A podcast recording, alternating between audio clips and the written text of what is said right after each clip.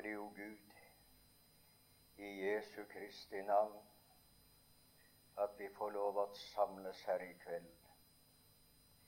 Takk for ordet om Kristus. Takk for hver en sang som opphøyer deg og viser, ja, forteller om din storhet. Takk for ordet om korset, som er en Guds kraft til frelse for hver den som tror. For at du har sagt det, at hver den som kommer til deg, vil du ingenlunde støte ut. Takk, det gjelder både yngre og eldre.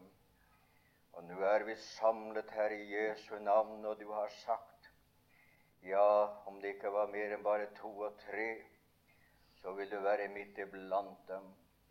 Og vi ber at du vil åpne ordet og gjøre det så levende at hver den som har livet i Gud, må kunne ta imot trøstens ord fra trøstens bok og fra trøstens Gud, slik at samværet blir deg til ære, ja, oss alle sammens til gagn. Det ber vi jo Gud i Jesu Kristi navn. Amen. Det emnet som jeg har for i kveld, det er de troendes bevarelse. Vi skal ta med oss noen skriftsteder fra Romerbrevet, det åttende kapittel, hvor vi har holdt oss under denne bibeluken. Vi leser da det 31. og det 32., men også det 39. vers i Herrens navn. 31 og 32. Hva skal vi da si til dette? Er Gud for oss? Hvem er da imot oss? Ja, hva skal vi da si til det? Det står i forbindelse med det som er sagt for nemlig frelsen forutplanlagt i evigheten som var, om frelsen mottatt i tiden som er, og garantiet for evigheten som kommer. Og vi skal bli likedannet med Hans Sønns bilde beviser for at Gud er for oss. Og vi leser videre. Han som ikke sparte sin egen sønn, men gav han for oss alle. Hvorledes, altså det utenkelige, skulle han kunne annet enn gi oss alle ting med ham? Og så det siste verset. Verken høyde eller dybde eller noen annen skapning skal kunne skille oss fra Guds kjærlighet i Kristus Jesus, vår Herre. Her er det ikke tale om vår kjærlighet, men om Kristi kjærlighet og Guds kjærlighet, som ikke kan skille oss fra ham. Det er vel først nødvendig at jeg sier noen ting om hvem det er jeg taler til. Jeg taler ikke til dem som kaller seg kristne. For det skal jo være størstedelen av den norske befolkning. Og i verden om omtrent 800 millioner kristnet. Men jeg taler til dem i denne sal som har tatt imot Jesus Kristus, som trodde det som står der, at så mange som tok imot ham, å ta imot det gjør man bevisst. Det gjør man ikke i søvne. Dem ga han rett til å bli Guds barn. På hva måte? De som tror på Hans navn. Og disse er født ikke av kjøds vilje, det vil si å tro at, det, det kan, at de er gode nok slik som de er. Behøver ikke mer. Eller av manns vilje at noen annen har forsøkt å gjøre dem til det. Men de har trodd på Hans navn, og de er født av Gud. Det er dem jeg taler til. Jeg spørger ikke om at du kan si dagen og timen hva tid dette skjedde, men jeg spørger vet du i dag at Jesus er din frelser? Vet du deg selv, vet ikke noen ting annet til frelse enn Kristus og ham korsfestet, og at du ved dette har tatt imot Jesus. Og så må du få lov at tro åndens vitnesbyrd som vitner med vår ånd, din ånd, at du er Guds barn. Jeg er meget glad for å se så mange unge her i kveld. Det er eh, et meget ømtålig, skulle man tro, men et omstridt spørsmål, det troendes bevarelse. Et omstridt spørsmål. Men det er også et meget viktig spørsmål. Det er så viktig at den som ikke er klar over det, kan sveve mellom tro og tvil, mellom sikkerhet og usikkerhet. Og hvis dette spørsmålet er klart, så blir det klart at ved å ta imot Jesus og tro på ham og bli frelst, gjelder også dette å tro på ham og fortsette å være frelst, og tro på ham og bli bevart og være frelst. Altså av bare nåde, ved bevisstheten Jesus er hjert, Jesus alene mitt hjerte skal leie, og Jesus alene der inne skal bo. Det er et bibelsk emne.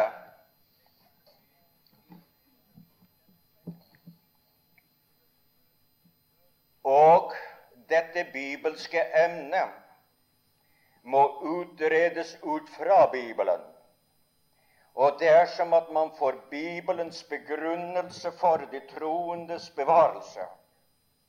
Så er det det avgjørende. Og det er det jeg regner med å skulle kunne gjøre her i kveld. Kapitlet, dvs. Si det kapittel 8, viser oss fire store sannheter om vår frelse i Kristus Jesus. Det troende er godt frelst i Kristus. Det er vel ingen av oss som betviler det. Vi er godt frelst i Kristus. Og hva frelst betyr å være reddet? Reddet ut fra umuligheten i Adam. For i Adam er det bare umuligheter, er det ingen muligheter. Alle dører er stengt og lukket for den som bare er i Adam. Han er død i synder og overtredelse. Han er uten Gud og uten håp i denne verden. Han kan godt være religiøs. Han kan godt være interessert i åndelig arbeid. Men den som ikke har livet i Gud, er død. Forteller oss, men altså, vi er godt frelst inn i allmaktens muligheter i Kristus Jesus. Og der er vel muligheter. Så vår frelse hviler på Guds allmakt. Men det troende er godt forsørget i Kristus. De har barnerett hos Gud. Og det, det sikrer så meget som det går an å sikre her i denne verden. Å ha barnerett hos Gud. Det er ubegripelig stort at dette å være et Guds barn. Det er meget større enn å være en kongelig prins eller å være sønn av en mangemillionær. Dette å være Guds barn, den eneste sanne Guds barn. Ja, Vi er godt frelst, og det troende er godt bevart i Kristus. Ingen person, noe ingenting, skal kunne rive dem ut av hans hånd. Det er noe av det ting vi skal påpeke her i kveld. Det er fire ting, det er fire sannheter, begrunnelser, som jeg vil fremsette i kveld, til bevis for at de troende blir bevart. Dem som er i Kristus Jesus, de som er frelst, for det innbefatter det samme. Og disse sannheter skal jeg så nevne i rekkefølge. Det er meget viktig, det er det første. Det er meget viktig at det troende blir bevart i nåden. Det er første påstanden at det er meget viktig. En ting som er ikke er viktig, er urealistisk, er mer og mindre unødvendig. Men det som er viktig, det er påtrengende, og det er om å ha, både holde det fast og tro på det. Det er meget viktig at det troende blir bevart i nåden. For eksempel, det er ingen gavn for oss om vi ikke blir bevart. Å være frelst i en måned eller i et år eller ti år, og så ikke bli bevaret. Nå taler jeg ikke om dem som bare er vakt, som dem er påvirket, men dem som er virkelig en frelst, forstår du. Ved og dette og skulle dere ingen gavn for oss. Det ville være spilltid. Og spilt religiøsitet, spilt møtegang. Det er som at vi ikke kunne bli bevart. Vi som er begynt å tro på Jesus og regne med at det er ingen frelse i noe annet navn enn ved å tro på Jesus Kristus. Det vil ikke gagne oss det minste. Det hvis det var tilfellet at ikke vi kunne bli bevart, så ville det ikke bli noen lønn for Kristus. Ingen lønn for Kristus. For det er jo dem som han er frelst, som er hans seiers lønn. Og hvis han taper mer og mindre av dem som har tatt imot ham, så må han si at han har tapt så mange prosenter. Den som taper alt, han har jo ingenting igjen. Men det er jo under konkurser eller sådan at det er noen at det er en del prosenter, det er noen ting som ble berget. Da ville det være det samme som at Kristus Jesus fikk en stor tapskonto. Det nekter jeg å tro på. Det er ingenting i Skriften som gir oss grunn til å regne med dette. Nei, i sanne er ikke. Der er ingen Der vil ikke være noen ære for Kristus hvis vi ikke kunne bli bevaret i nåden. Kristus ville bli en æreløs frelser eh, som ikke for hans ære Det er dem som han har frelst, dem han døde for. Dem som han opp inkludert i sin oppstandelse. De som lever med ham, de som har tatt imot ham. Det er hans ære. Og det ville Kristus blive så beskåret for så og så meget ære hvis de troende, eller en del av troende, ikke kunne bli bevaret i nåden. Altså er det så viktig, dette. Og det må vi være, være klar av at så er tilfellet. Men for det annet der er også flere gode grunner hvorfor at det er viktig for Kristus at vi blir bevart. Gode grunner, gode argumenter, gode påstander hvorfor at de troende må bli bevart i nåden. Og jeg skal nevne noen av disse begrunnelser. For det første, han har fått dem av Faderen. De var dine, men du gav med dem. ut av verden. Og dem som er, han har fått av Faderen, dem kommer til ham. Altså, de er Guds gave til Sønnen. Og vi viser hvis at de får en verdifull gave, så setter vi pris på gaven. Ikke alene for gavens verdi, men for gavens giver. Når en mor får en gave fra sin sønn eller sin datter, eller et barn få seg fra en far eller en mor, så er det ikke bare gaven de får, som de setter pris på og verdsetter, men det er fra hvem de fikk det. Og sådan er det også. Han har fått oss av Faderen som en dyrebar gave fra ham. Og det er viktig for de troende, for ham, at de troende blir bevart. For hvis ikke de ble det, så ville han jo tape så meget av gaven. Hva ville du tenke f.eks. om at du har fått en gave av noen, også på veien så Da du kom hjem, så fant du ut at halve delen av gaven var borte. Da hadde du jo ingen glede av gaven det sa denne var tapt. Således er det viktig, men det er også viktig for gavens skyld. Det er som de troende ikke kan bli bevart i nåden, så ville det være det samme som at han har mistet noen ting av gaven. Gaven som Gud gav ham, ble borte. Han så å si ikke fikk den og gaven som han har fått, den svant. Så så meget av det har han ikke. Å tro at man har noe som man ikke har, det er lite. Å ha hatt noen ting som man så taper, det er ille, det. Og Derfor er det viktig at de troende blir bevart.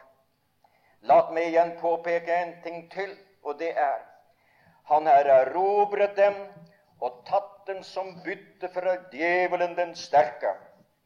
Det lærer Skriften. Han gikk inn i den sterkes hus, sterkes hus, og han tok den sterkes bytte, fordi han er den sterkeste. Han tok hans bytte. Da Gud ved ham avvæpnede maktene og myndighetene og stilte dem åpenlyst til skue på korset, og dersom det troende ikke blir bevart, da har Kristus ikke vunnet, vunnet en fullkommen seier. Da har det som han ga gått tapt, det er et bytte for slaget.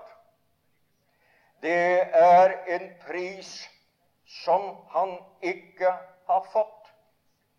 Da har han heller ikke noe bytte, eller så lite bytte i forhold til det som har som blir igjen.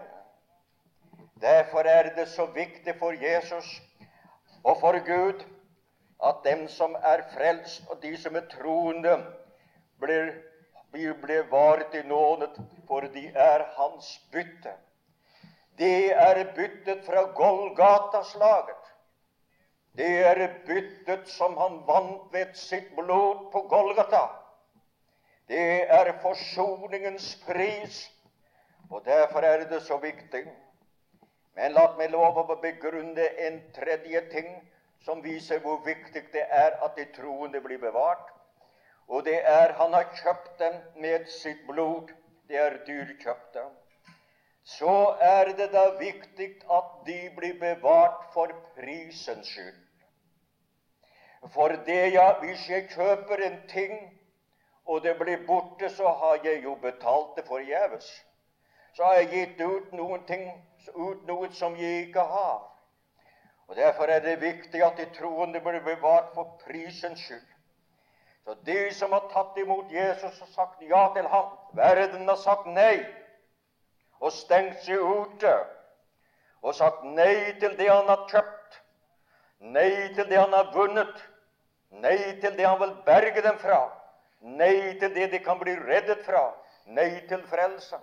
Men her er det dem som har sagt ja til ham og er frelst, og som han har betalt så dyrt, Skulle disse ikke bli bevart, så vil det være det det samme som dette at prisen, den ville blitt gitt ut forgjeves og til ingen nytte. Men det er en ting til hvis de troende går fortapt, at troende kan gå fortapt. Så å gå fortapt, det er jo å være åndelig død. Nå er det slik, og da ville de troende så at sive være tapt for Gud to ganger. For det første var menneskene slekten, menneskeslekt, og tapt for Gud i Adams fall. Det er som de troende som, har tatt, som således har tatt imot Jesus Kristus, og så går tapt, så er de jo tapt for Gud for annen gang. Der er det ingenting i Skriften som forteller oss at slik er tilfellet. De er reddet for evigheten, for frels betyr å være reddet. Ikke reddet et stykke på veien, ikke reddet for en del år, men de er reddet for evigheten. Hva vil du tenke om en redningsbåt som har reddet en hel del skipsbruddene, og så på veien tapte en hel del inn til strand, inn til land, og så tapte. Da var det jo ikke noen redningsbåt for dem. De ble borte underveis. Således er det så viktig for Jesus at disse blir frelst. Også, og derved er også prisen gå tapt for deres vedkommende, dersom de ikke Da har han utlagt, eller så at det betalte med sitt dyrebare blod. Og det var til ingen nytte for den, enn de har tatt imot Jesus Kristus. Mine venner, det er viktige sannheter at vi er klar over dette. Og det skulle være trøsteord for hver den som ikke er klar over denne sannhet. Men jeg skal også påpeke videre med denne begrunnelsen. Han har vunnet dem ved sin kjærlighet, og de er hans. Så han har fått dem, og det er for umistelig for giverens skyld. Han har kjøpt dem, og det er for umistelig for prisens skyld. Og han har vunnet dem ved sin kjærlighet, og er umistelig for kjærlighetens skyld. Det er som en menneske som elsker en annen. Og denne hans kjærlighet som han elsker, den person som han elsker over alle ting, går tapt for ham, så er det det største tap et menneske kan lide. Det er kjærlighetstap. Det er meget større enn pengetap og eiendomstap. Kjærlighetstapet, det er å tape det aller største. Og det betyr et sår og et savn og en sorg ubeskrivelig. Skal denne sorg vederfares Jesus for dem som har sagt ja til ham, og så skulle bli borte på veien? Jeg taler ikke om dette at troende mennesker kan tape kontakten med vår Herre. Jeg taler ikke om, for det er en kjensgjerning. Jeg taler ikke om at noen mennesker kan være Her er det spørsmål om å eie livet til Gud. Et menneske som sover, har av liv. Et menneske som er sykt, har av liv. Og et menneske som virker, har jo liv. Er det så å si flere grader av liv. Men dem som lever, som har så å si blitt grepet av verden, versligsinnet og mangt og meget som kommer, men ikke har sin sak oppgjort. Der er kontakten avbrutt. Slik som du bryter kontakten på lyset. Strømmen er der, men den kommer ikke frem. Og de har ikke noe samfunn. Men dermed er det et menneske som sover Våkn opp, du som sover, og stå opp fra det døde, og Kristus skal lyse for deg. Det er just den stilling, og så fort videre. Det er ikke det som er emnet her. Jeg taler om dette for å vise dette, den positive side av frelsesspørsmålet for dem som har sagt ja til Herren. Tror ikke Jesus skal lide dette at han skal få kjærlighetssorg av dem som Nå er det også sant at et, et, et barn at kan, Der er Gud kan elske med glede, men han kan elske med sorg. En mor og en far elsker sitt barn med glede når, dette, når disse barna skikker seg vel og gjengjelder deres kjærlighet. Hvis de ikke skikker seg vel, skeier ut eller på annen måte volder den sånn, så elsker den fortsatt. Og kan at kjærligheten føres enda mer. Men de elsker det med smerte og med sorg og den side tror jeg også er mulig for guddommen å føle overfor dem som ikke vandrer i lyset, som ikke lever nær Herren, som ikke opplever samfunnet slik som han gjerne ville dele med dem. Det er altså viktige begrunnelse for at dette er nødvendig. Det var altså to av hovedgrunnene som jeg nevnte dette. Nå skal vi komme til en tredje av påstandene hvorfor at de troende må bli bevares. Og det er at det er uttrykkelig sagt at det troende skal bli bevart for Kristus. Og har Gud sagt det, så må vi vel tro det han har sagt. Så må vi vel regne med det han har sagt. Og da skal vi glede oss over det han har sagt. Og da skal vi stole på det han har sagt. Og vi skal merke oss noe i den forbindelse at han har uttrykkelig sagt det, at de troende skal bli bevaret for ham. Han har For det første så har han plassert dem på steder hvor det ikke kan gå tapt, men bli bevart. Ja, de er guddommelig garantert og guddommelig beskyttet for skal jeg få lov å gjenta det en gang til, så du er sikker på at du har tak i det? De troende han har plassert dem på steder hvor det ikke er muligheter for at det kan gå tapt eller bli borte. Og det er derved er de garantert beskyttelse, guddommelig beskyttelse, som mot å gå fortapt. Hvor har han så plassert dem? Han hadde plassert den i de guddommelige hender. Der er de, plassert, der er de plassert i de guddommelige hender. I Johannes det 10. kapittel og det 28. vers står det ingen skal rive dem ut av min hånd. Når det står 'ingen', så er det han som så er det guddommelig inspirert. Det er guddommelige uttalelser og guddommelige forsikringer. Ingen skal rive dem ut av min hånd. Disse som har sagt ja til Jesus, disse som har fått livet til Gud, disse som tror på ham og ikke vet seg noen ting annet til frelse eller ham. Ingen skal kunne rive dem ut av min hånd. De er i hans hånd. Og det er veldig ekte. Men det er videre bekreftet enda sterkere i Johannes det 10. kapittel og det 29. vers. Ingen skal kunne rive dem ut av min fars hånd. Her har du Jesu hånd og fars hånd. Ingen skal, sier de om hans.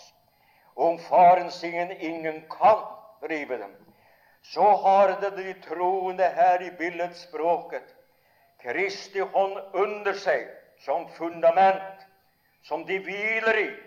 Og det er Han som har døde for deres synder og som oppsto til deres rettferdiggjørelse, og som lever for å gå i forbønn for dem.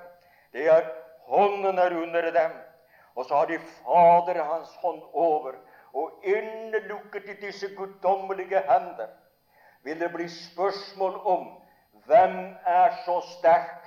Er djevelen så sterk at han kan plukke dem ut og lette på Guds hånden, eller fjerne Kristi hånden? De er der de er gjemt i nåde. De er gjemt hos Gud. De er gjemt under Hans allmakt. De er gjemt der for evig beskyttelse. Og du, min bror og søster, kan ikke det gripe ditt hjerte, så du kan bli lykkelig og glad over en slik frelseskraft Og en sådan frelsesvisshet, en sådan garanti fra det guddommelige, den guddommelige autoritet som Gud og Sønnen har. Ja, mine venn, da vet ikke jeg. Sålesen har du der han har plassert dem der. De er innelukket i Sønnens hånd, og de er gjemt i de guddommelige hender. Det var altså i hånden. Han har plassert dem der. Men han har gjemt dem på et annet sted. For hans hender. Han har gjemt dem der hvor han er. Gjemt dem i hånden. Det er stillingen, det her. Det er stillingen som her er omtalt. Han har plassert dem i himmelen i Kristus. Og i himmelen i Kristus, det skulle være sikkert nok. Hvem kan bryte inn der? Og hvor er han? Han er på tronen. Hvem kan nå opp dit? Han har plassert dem i himmelen. Og hvis de er i himmelen, så er det sådan i stillingen i Kristus for at de er i ham som hans lemmer. Da må jeg spørre så skal noen pille dem fra himmelen? Er det på grunn av den nåde de har blitt frelst, så må de også beholde nådestillingen hos ham. Og Gud vil pukte dem som er ute, som ikke som har gått bort fra ham, sådan at lengselen og kjærligheten fra ham driver dem tilbake og kaller dem til samfunn. Og det kan være hårdt nok. Han måtte samme tider ta hårdt på noen for å få dem til å innse at det er Guds vei og vilje slik å være på hans side. Han har, og en videre de sitter i himmelen i Kristus Jesus. Skal noen pille dem ned fra tronen? Han sitter jo på tronen. Ja, så fremt som at de dem som har tatt imot Jesus Kristus, går fortapt, så må de jo komme. Så har de vært der og bli fjernet der. Hvem skulle gjøre det når ikke Faderen gjør det, og ikke Sønnen gjør det, og ikke Ånden gjør det? Hvem skulle da gjøre det? Og djevelen har ikke engang adgang. Døren er stengt for ham. Han kommer ikke dit. Det var en gang han kunne, men han kommer ikke dit. Altså, det er stengt. Det er så høyt. Det er så hellig. Det er så guddommelig. Det er så sterkt. Det er så ærefullt. Ingen kan. Og der er de i nåde. Ikke på grunn av fortjeneste, men av et fullbrakt verk på Golgata. Så vidt underlig stor og så vidt underlig herlig er dette. Han er det. Men de er på tronen i Kristus Jesus, og de er i Kristus. De er i Kristus som, som Kristi lemmer. Skal de ut av Kristi legeme? For det er hver, hver eneste en som har fått livet til Gud, er et lem på Kristus. Hvis det går tapt, så går det ikke tapt i legemet. Da måtte det gå ut av legemet. Og ja, så er det jo noen som sier at de har vært frelst og så lang tid, og så ble de frelst igjen. Men så var de til stede, var de hadde det godt en stund, og så tapte de frelsen, og så ble de frelst igjen. Ja, da måtte de jo legges, bli tatt ut av legemet, og tatt ut fra himmelen og tatt ut av legemet og sprakk tilbake til himmelen og satt inn i legemet. Hvor står det i Skriften at skjer? Det finnes ikke noen slike eh, eh, ord som forteller oss noe slikt. For det er ulogisk, og det er ubibelsk. Det er i sannhet ubibelsk å forkynne frelse for verdens mennesker og fortapelse for de troende. Men dessverre, det er mange som gjør det. Men det er ikke Guds plan og Guds vilje, det. Altså, her er det hvor han har plassert dem. Men enda er det andre ting som, for, som gjør det så sterkt at de troende skal bli baret. Og jeg skal nevne dem. Han har gitt dem noen ting som ikke kan tapes, men som er evig. Jeg han har gitt dem noen ting som ikke kan tapes. Og du skal få det skriftelig. Slik som Abraham Thomsen sa det før i tiden, og som han synger du skal få det skriftelig. Og da må vi få lov å regne med Og du finner det i det tiende kapittel og det 28. vers. Og jeg gir dem evig liv. Tar han gaven tilbake, tar han livet tilbake. Nei, må vi si på Skriftens grunn. Han har dem ikke med å ta, gi en gave og ta den tilbake. Og det skal muligens gå fortapt. Står det slik? Ja, men det er jo det som det gjerne blir påpekt, det er muligheter for det. Og det skal ingenlunde, og det skal aldri fortapes. Om vi ikke hadde flere skriftsteder, så var det nok. Det skal aldri fortapes. Hvem? Dem som har kommet til Jesus, dem som tror på Jesus, dem som han har fått til Faderen, dem som han har vunnet ved Golgata-slaget, dem som han har kjøpt ved sitt blod, dem som har fått Ånden, Jesu Kristi ånd, og hører ham til. Det er dem de skal aldri fortapes. Muligheten for å bli frelst om og om igjen er ikke skriftmessig.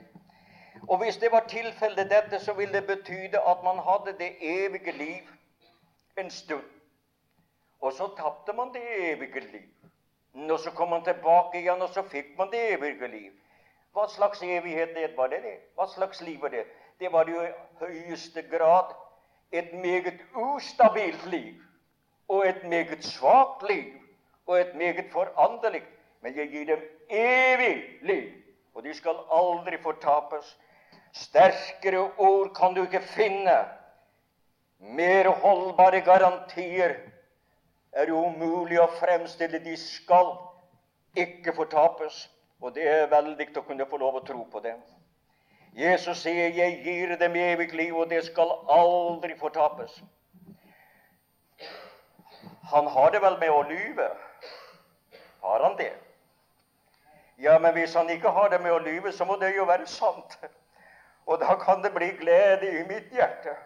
For jeg er et ufullkomment menneske, og det er vel også du. Ja, visselig vil jeg høre Jesus til å beflitte ham, men jeg feiler i mangt og meget. Og det gjør vel du også. Det beflitter meg å være hos ham. Men det er ingen som er fullkommen. Syndefrihetslæren hører ikke til på jorden.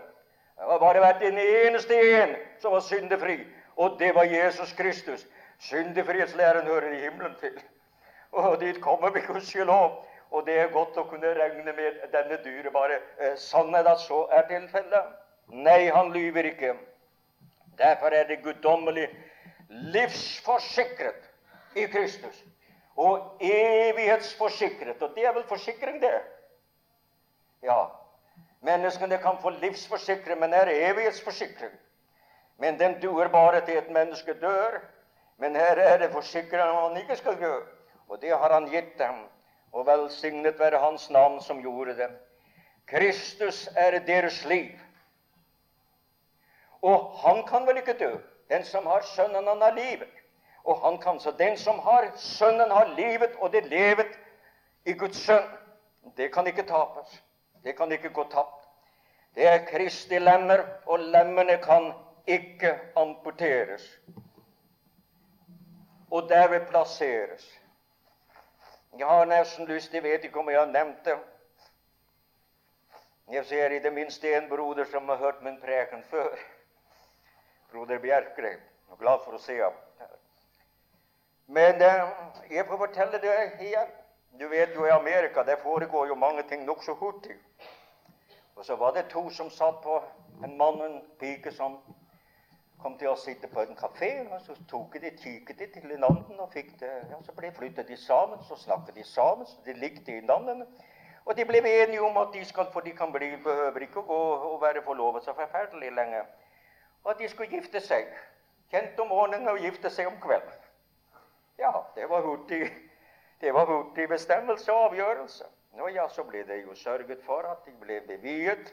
Jeg kan gjøre det er stater hvor det kan, kan, gjøres på den måten. Behøver ikke noen tid å kunngjøre eller andre ting. Det kan gjøres bare med det samme. Nå ja, den som kom og de hadde hatt spist sin bryllupsmiddag, så skulle du opp på soveværelset hvor du skulle tilbringe natten. Og da de kom inn, så det var det første som denne fruen hans gjorde Det var noe vippe litt, og så tok hun ut det ene øyet. Og så Han så jo det, forstår, det forandret ikke så litt på synet, på, på utseendet. Og så tok hun tok hun gebisset, og det forstår du når man er uten gebiss. Det forandrer ganske meget. Det blir ikke en særlig pen brud da. Nå ja, så var det ikke for lenge, så Han så, han ble jo mer og mer betenkt. Så tok han og vred litt på skrudde av den ene armen. Og så bøyde han seg ned og skulle ta den ene foten, men da sprang han.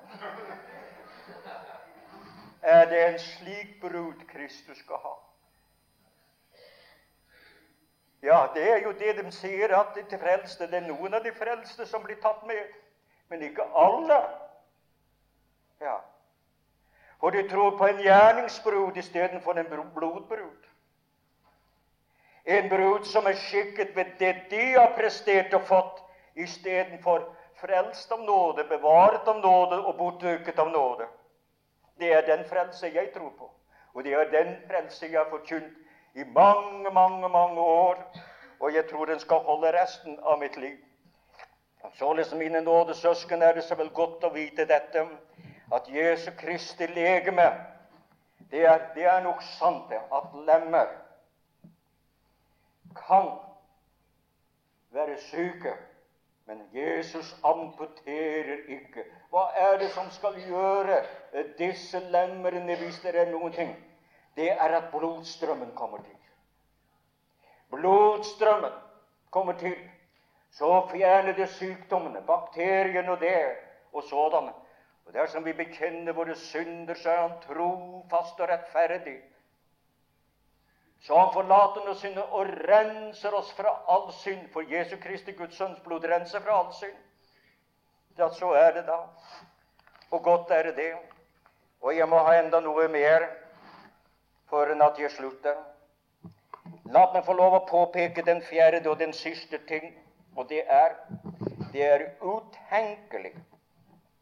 Ja, det er umulig at Gud ikke skal bevare dem som er i Kristus. For det første for Kristi kjærlighets skyld. Nei, vi kan si for Kristi offers skyld. For Kristi offers skyld er det utenkelig. Han som ikke sparte sin sønn, men gav ham for oss alle. Hvordan skulle han ikke kunne annet? Hvordan skulle han kunne annet enn at gi oss alle ting med ham. Der har du igjen hans offer forplikter ham til å gjøre det. Men hans kjærlighet også garanterer for at han gjør det. Så har Gud elsket verden at han gav sin enbørne sønn, for at verden som tror på ham, ikke skal fortapes, men ha evig liv. Men da må de jo bli bevart men enn videre for hans farskaps skyld. Nå er vi Guds barn. Det er ennå ikke åpenbart hva vi skal bli. Men vi vet nå når at Han åpenbares, da skal vi bli ham lik. Det ville være en dårlig far som ikke passet på sine barn.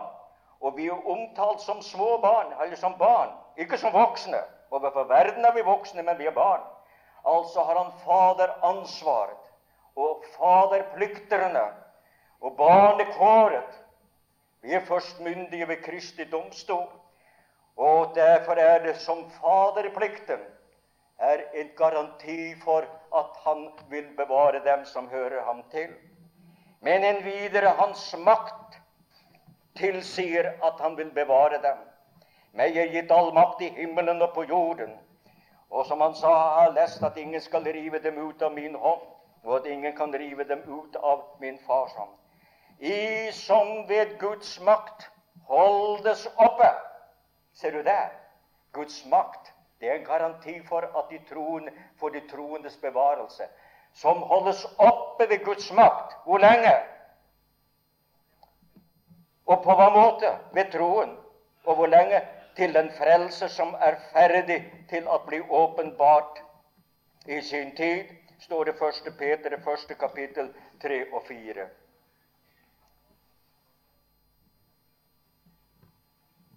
Og derfor fryder jeder er det neste som står. Altså det er gledeskilde. At vi holdes oppe ved Guds makt, og derover skal vi fryde og glede oss.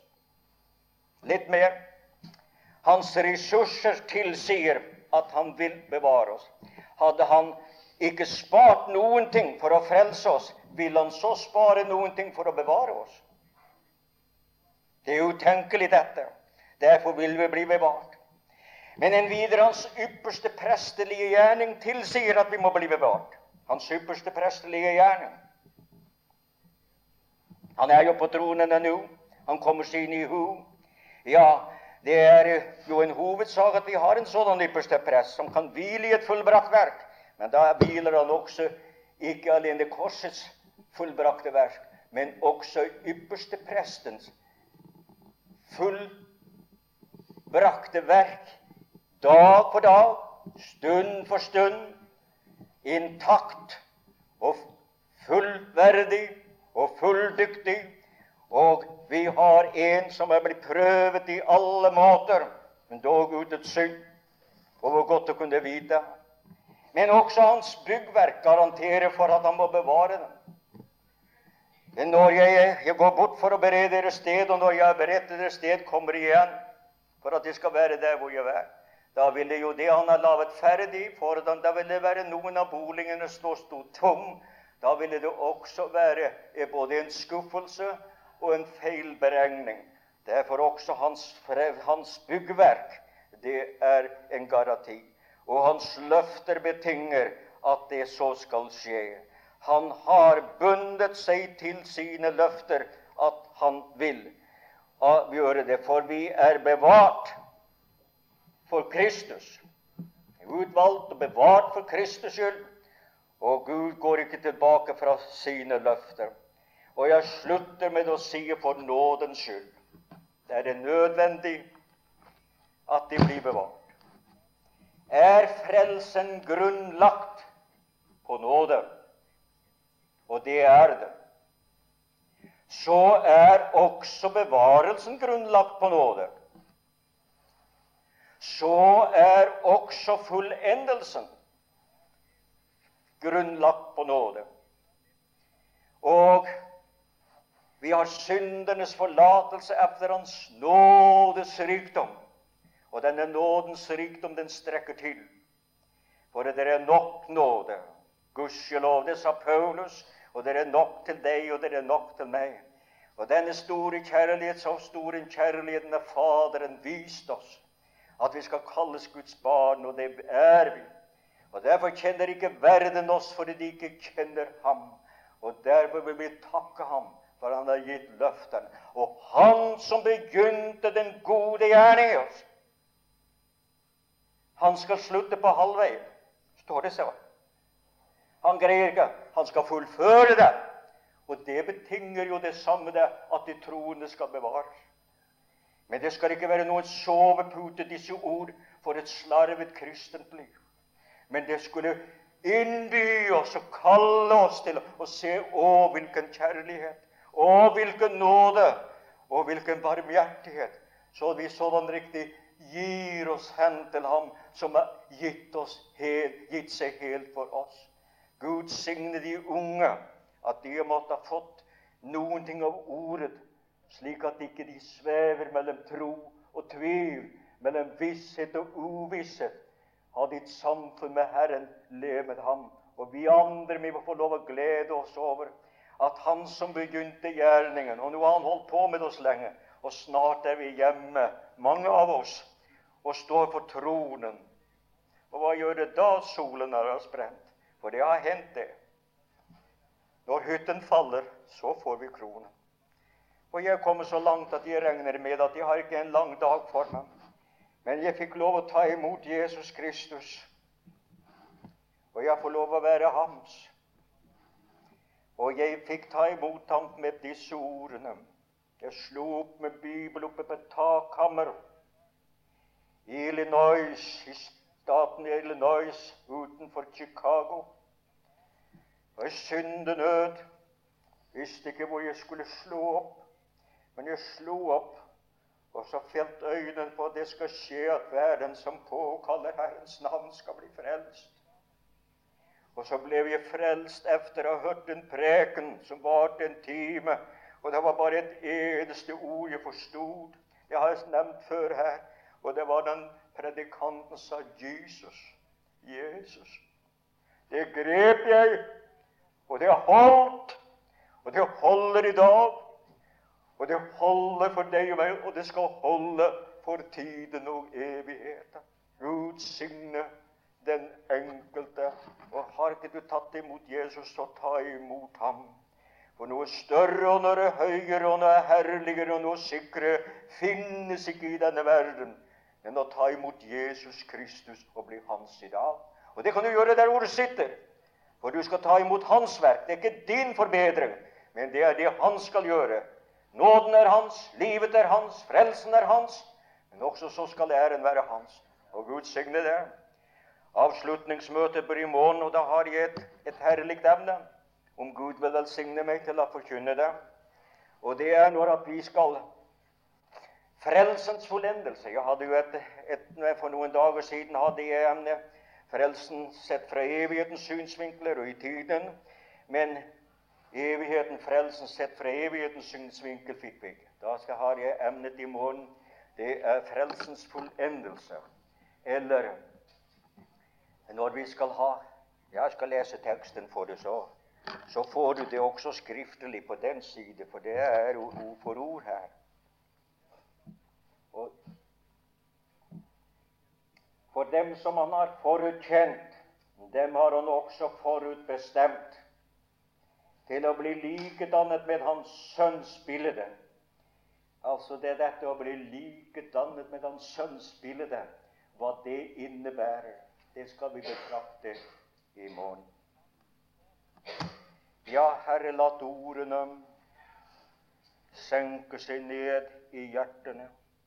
Vi har jo lest ditt ord fra mange sider, og du står bak ved ditt ord, og vi takker deg derfor. La din signing hvile over hver enkelte, og at Ånden får lov å senke det ned i vårt hjerte så vi kan prise og takke deg for en full frelse i Kristus av bare nåde. Amen.